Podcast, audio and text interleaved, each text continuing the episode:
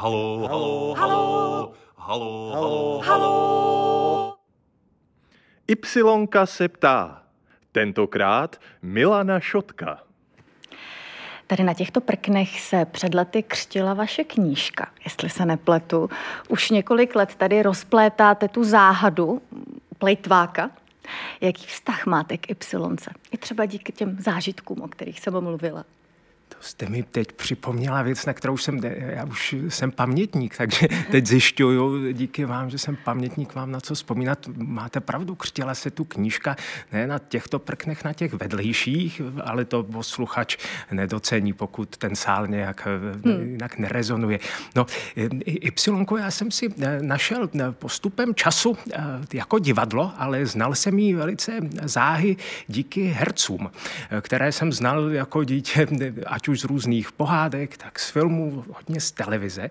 A, a zpětně tedy velice docenu, často se říká, Jan Schmidt, to, to je ten výtvarník, který založil divadlo. Mm-hmm. Jistě, to muselo být výborné, ale ten čuch eh, pro herectví a herce, kteří eh, se projevují ještě jinými schopnosti, než jenom to, že jsou schopni naučit se text Hamleta, tak eh, to, to bylo výrazné a jistě to prospělo i mnoha filmům. Vzpomínám na to, nebo traduje se, že, že Ladislav Smol jak nebyl příliš spokojen výsledkem Jáchyme Hoďho do stroje, protože tam v eh, titulní roli tehdy stvárnil Luděk Sobota, tehdy herec eh, Liberecké Ypsilonky, ale já si říkám zpětně, jestli Luděk Sobota právě nemůže za úspěch toho filmu, uh-huh. protože eh, takové věty typu třeba jsem, třeba se vás plachej, to, to je velice vlastně nesvěrákovské. Možná Smoljak uh-huh. k tomu tendoval vyšetřování ztráty třídní knihy, ale je to jistě věta, kterou musel inspirovat ten herec.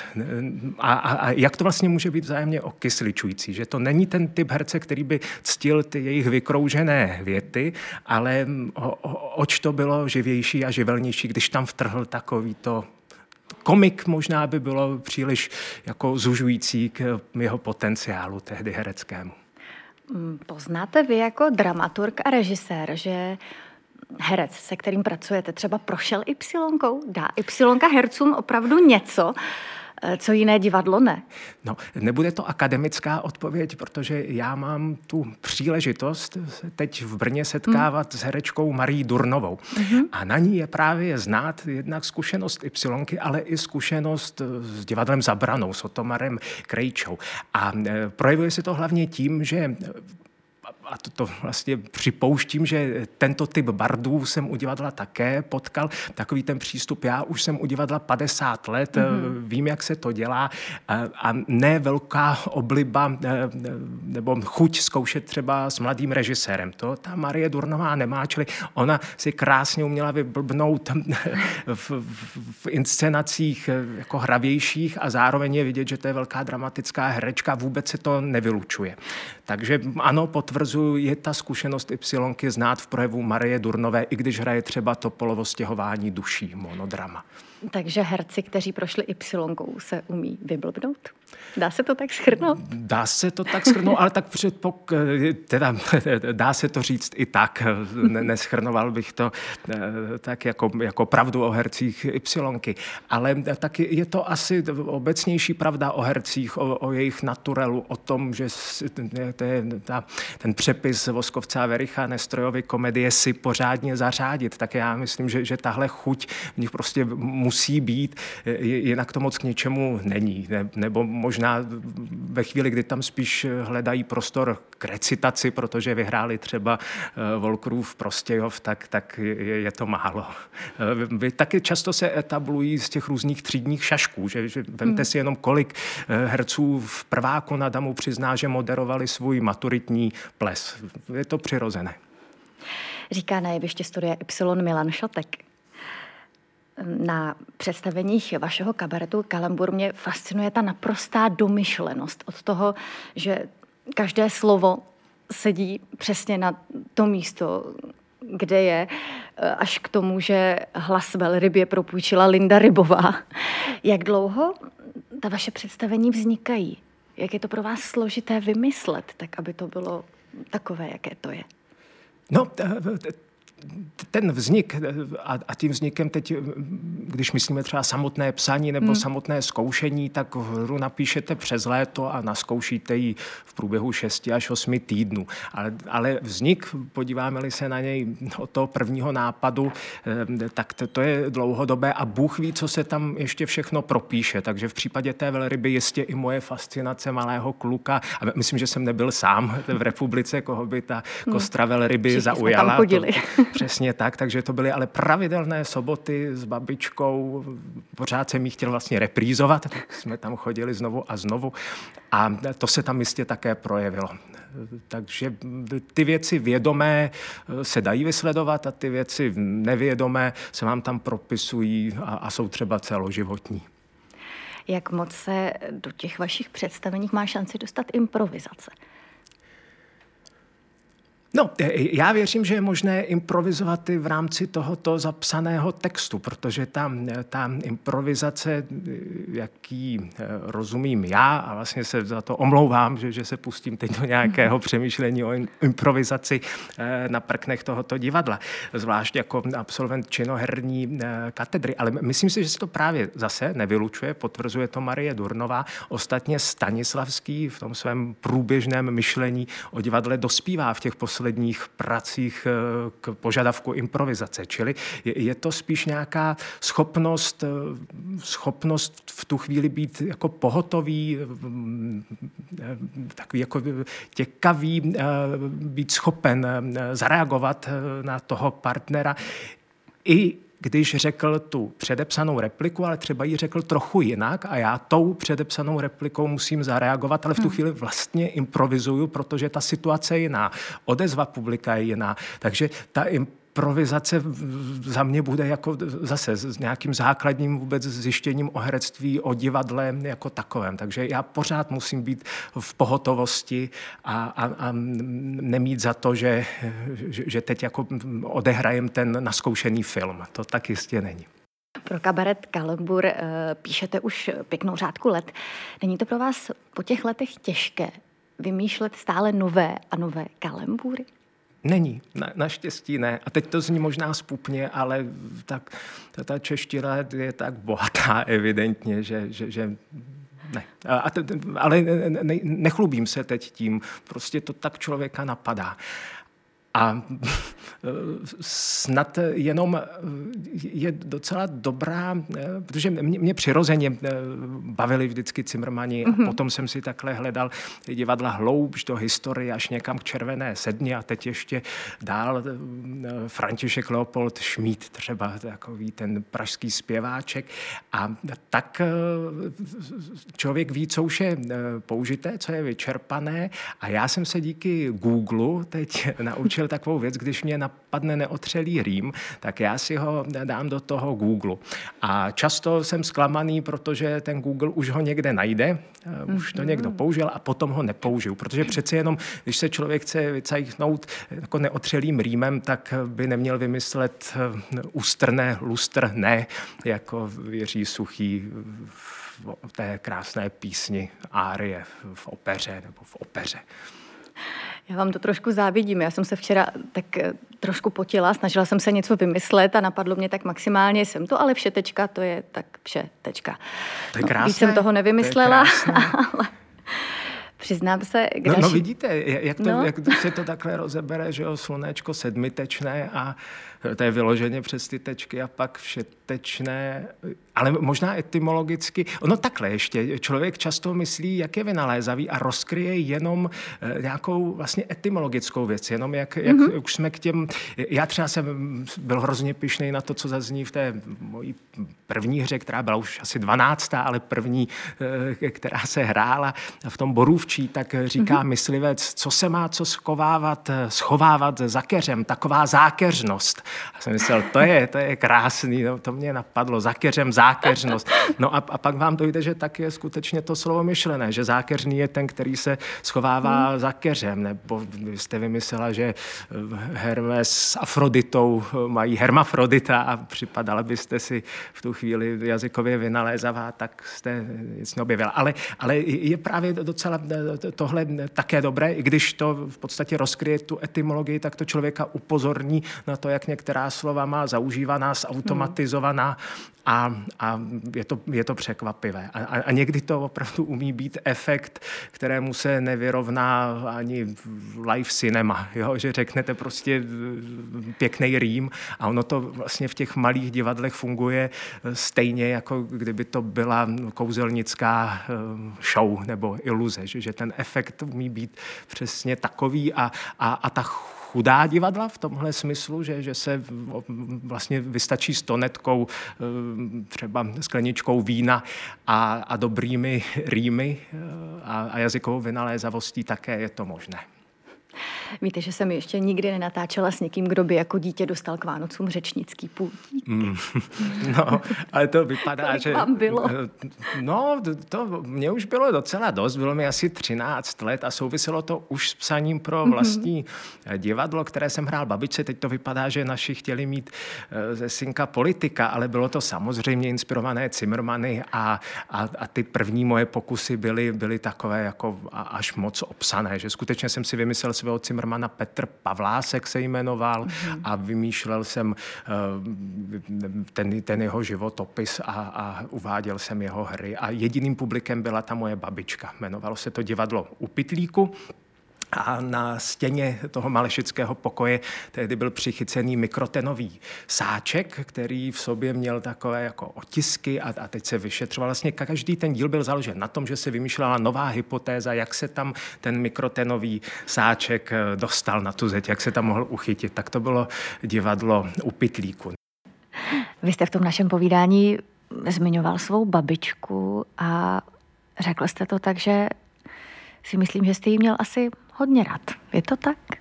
Ale ono to opravdu souviselo s tím, jak moc se, jak moc se věnovala. No. Jak jsem tam teda jezdil každý víkend, tak jsem jí hrál pořád to tež a to tež. A ona v podstatě plnila roli i toho dramaturga na některých zkouškách komedií, že se teda smála znovu, ač ten for už znala. A, a, a tak jako to člověka vybídla k tomu, že by to mohlo někoho zajímat. Jí to opravdu zajímalo, to ona jako nehrála, ale tohle byla hrozně důležitá zkušenost.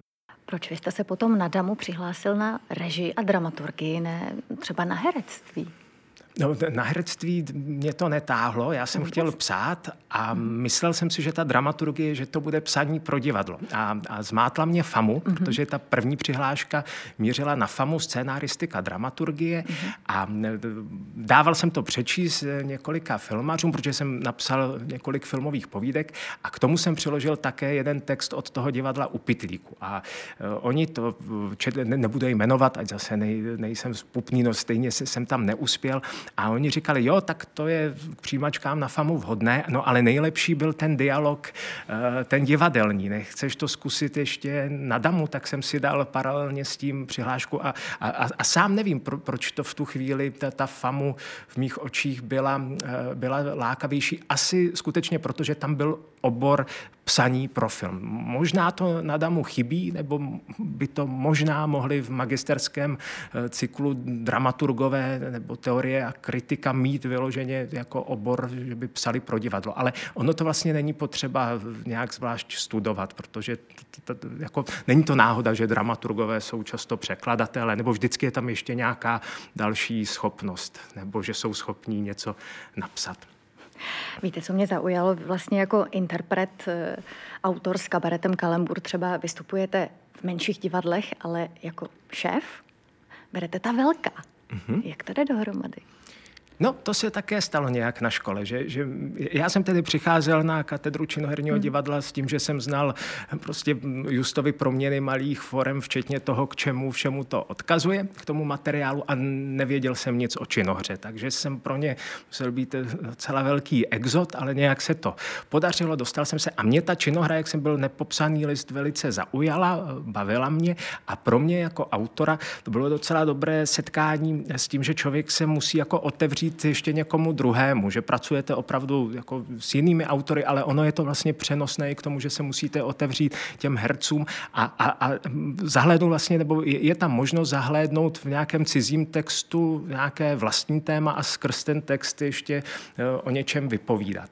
A, a to, to, to mě bavilo a, a nejvíc mě to táhlo eh, do, do těch velkých divadel, což ale bylo odvislé od té dramatiky. Možná je to konstrukt, ale že jako typ eh, her, které píšu, bych eh, neinscenoval, kdyby je napsal někdo jiný a protože nejsem schopen napsat Hamleta, kterého už jsem tu zmiňoval, tak, tak toho inscenujem jako tu zapsanou činohru v tom smyslu, že, že teda je východiskem nějaké zapsané slovo slovo. Já se totiž hrozně jako bráním tomu říkat, že text, protože toho si všímám hodně, že, že se mluví i v, v recenzích, že, že tam převažovala textová složka. A já si vždycky říkám, textová, co pak my provozujeme nějakou literaturu teď spolu, když spolu mluvíme, hmm. prostě proč, to, je to přece úplně přirozená schopnost, možnost člověka mluvit a akorát to teda je zapsané v tom textu, jako můžete zapsat skladbu do not nebo architektonický návrh, takhle zakreslit, ale to, to, že potom lpíme na tom, na tom textu u toho divadla, ale někdy si za to můžeme sami, protože herec to říká tak, že opravdu tam slyšíte ta zapsaná slova. Mm-hmm.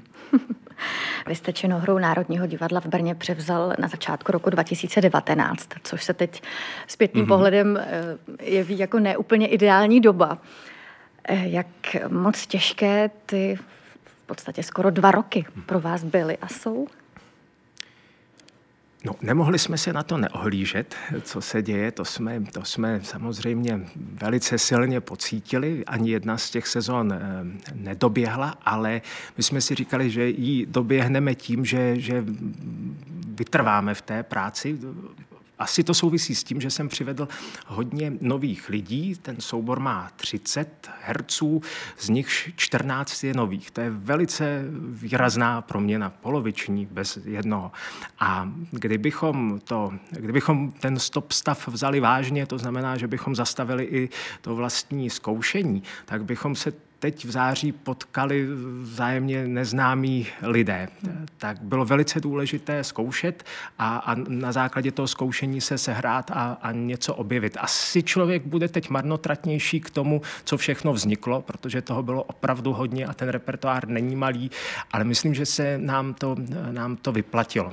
Jsme našli nějaký, nebo našli, to zní, že už jsme ho našli, takže hledáme nějaký společný styl, ale je to průkaznější a průkaznější, ale teprve až to někdo uvidí, tak mi to třeba potvrdí nebo vyvrátí, že se tam něco stalo s Mahenovou činohrou. Nedávno jsem četla jedno takové pojednání o emocích v PR a v reklamě a uh, bylo o tom, že zkrátka ty emoce stále šponujeme dál a dál, abychom vlastně to publikum nějakým způsobem upoutali, aby je to zaujalo.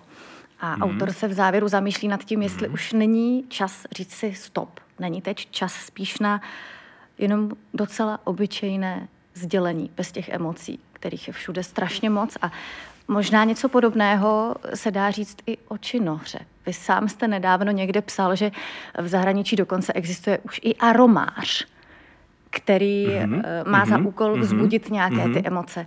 Říkám si, jestli to není moc, no. jestli nestačí no. jenom opravdu to slovo. Ale t- já mám za to, že samo slovo nestačí, musí hmm. teda ho vyslovit herec a, a zapojit do toho celé tělo. Ale myslím, že ten aromář, eh, on, on vlastně ty emoce, nebo spíš tady v tom případě nějaké teda vyjemy čichové, vlastně supluje. Že hmm. asi je na čase hledat větší citlivost dost, jak u herců, tak u diváků, aby nebylo potřeba to dohánět. Mně přijde, že, že divadla často teď uvažují na způsob 4D kina, hmm. takového toho kina, kdy s vámi ta sedačka musí natřásat a když si vezmete začátky filmu, tak přece diváci přirozeně eh, před tím vlakem, hmm. který na ně vyjel, uskakovali. A pak zjistili, že, že, co to vlastně to médium je, takže ano, diváci už ne, ne, nevtrhnou na jeviště a neroztrhnou Otela od Desdemony démony, ale to, že to můžu prožívat nějak ještě vnitřně, že se mnou nemusí někdo jako v tu chvíli zatřást, že se mnou může zatřást to, co vidím, byť na dálku, tak to, to si myslím, že, že tato citlivost se vytrácí, tak snad se to dá obnovit. Napadá vás jak? No, tím, že se tomu nejde naproti třeba tím aromářům. Já si vybavuju eh, zase vlastní zážitek ze studií na Damu. Nevím, kdo to inscenoval, ale bylo to Havlovo pokoušení ve Stavovském divadle. Mhm. A eh, ta inscenace, moc mi z ní neutkvělo, ale jedna věc ano, a sice eh, herec Mrkvička, který uh-huh. hrál toho Faustku v té, v té Faustiádě Havlově, tak si zul uh, boty. A ty, protože on je tak napůl bezdomovec a ty nohy nesmírně smrděly. Hrál to David Matásek, to, ale já si pamatuju, jak v tu chvíli opravdu to člověk cítil, to se opravdu rozlehlo po celém divadle, aniž by tam byl ten aromář. A opravdu jsme byli všichni šťastní v tom publiku, když si ten mrkvička zase boty eh, nandal. A bylo to samozřejmě jenom díky tomu jeho hereckému umění a nebylo potřeba naštěstí aromáře. Ještě na chvíli na závěr zpátky jsem do Y, jak už jsem říkala na začátku, tak eh, tady hrajete plejtváka, svého času jste tu taky krotil blechy. Plánujete něco dalšího, třeba nového? No, nebudu zastírat, že, že milé uvítání pana ředitele dnes obnášelo i takové pošťouchnutí k něčemu dalšímu a já to velice rád připouštím. Mě, mě by to zajímalo se zase se souborem, který se také, jak to sleduju, eh, trošku proměnil, zase se s ním někdy potkat, protože mě tady opravdu bylo tehdy velice milo a stále nám je s kalambůrem a asi bych se více tentokrát zamýšlel, jak ty poetiky propojit, protože já jsem pro Y tehdy ty blechy psal ne stejně jako pro kalambur, ale, ale velice asi podobně. Ne, ne, a, a tentokrát bych možná víc hledal, abych jako nemusel herce Y učit eh, styl kabaretu kalambur, protože to je v podstatě ztráta času. Takže jako přijít s nějakým materiálem, který by nás vzájemně inspiroval. A, a, a to je velice důležité, že vás zase může inspirovat herec jako dramatika. Nebo myslím, že jako dramatik, který nemá rád herce, tak tak se musí na každé, během každého uvedení své hry velice natrápit. A, a někdy paradoxně, a zase nebudu jmenovat kolegy, oni jsou spokojení e, ve chvíli, kdy to vlastně bylo blbý divadlo, ale zazněla tam všechna ta slovíčka, v podstatě to, to, to vlastně není náhoda, že, že, že e, to herectví Cimrmanovské, když se třeba použije na Václava Havla, tak on z toho vyjde velice dobře jako dramatik. A Jestli to ale to trvání na tom, že se nesmí škrtnout ani slovíčko nebo změnit, jestli to neumrtvuje to divadlo v tom obsažené. Také je spoustu autorů, kteří zpětně, a já k ním patřím, ten text ještě revidují, mm-hmm. že, že, že, že ta poslední verze Blech, která ani už neodpovídá té, která je uvedená v té žluté knížce, eh, je inspirovaná tím, co vzniklo na tom jevišti a možná jsem eh, nějaký for, který vymyslel někdo z herců, ukradl, aniž bych ale ho tam, eh, mu tam napsal poděkování, ale tak zase on by to možná nevymyslel, kdybych já mu neposkytl tu, tu výchozí repliku mě tohle došlo, že teda obloukem zase to, se to stáhla k Y a mě zase napadají Cimrmani, protože vzpomínal Zdeněk Svěrák v souvislosti s dalším úmrtím, v souvislosti s odchodem Jiřího Mencla na to, že on eh, vymyslel, eh, on trpaslík je dobrý plavec, ale nevydrží. A, na to vzpomínal, že to ale nevydrží, vymyslel Mencel. No, tak jsem nalistoval ten výbor Cimrmanovských her, Cimrman, jak Svěrák, no a tam je to napsaný, ale nevydrží, aniž by u toho byla hvězdička, že to vymyslel Jiří Mencel. Ale to, to není žádná krádež duchovního vlastnictví. To je nějaká, jako, to, to jsou právě možnosti toho eh, divadla a té zapsané činohry. Ať neříkáme dramatický text, to zase nás strhává k literatuře. Říká Milan Šoteka, já vám moc krát děkuji, že jste si udělal čas na Y. Já vám moc děkuji za pozvání. Děkuji.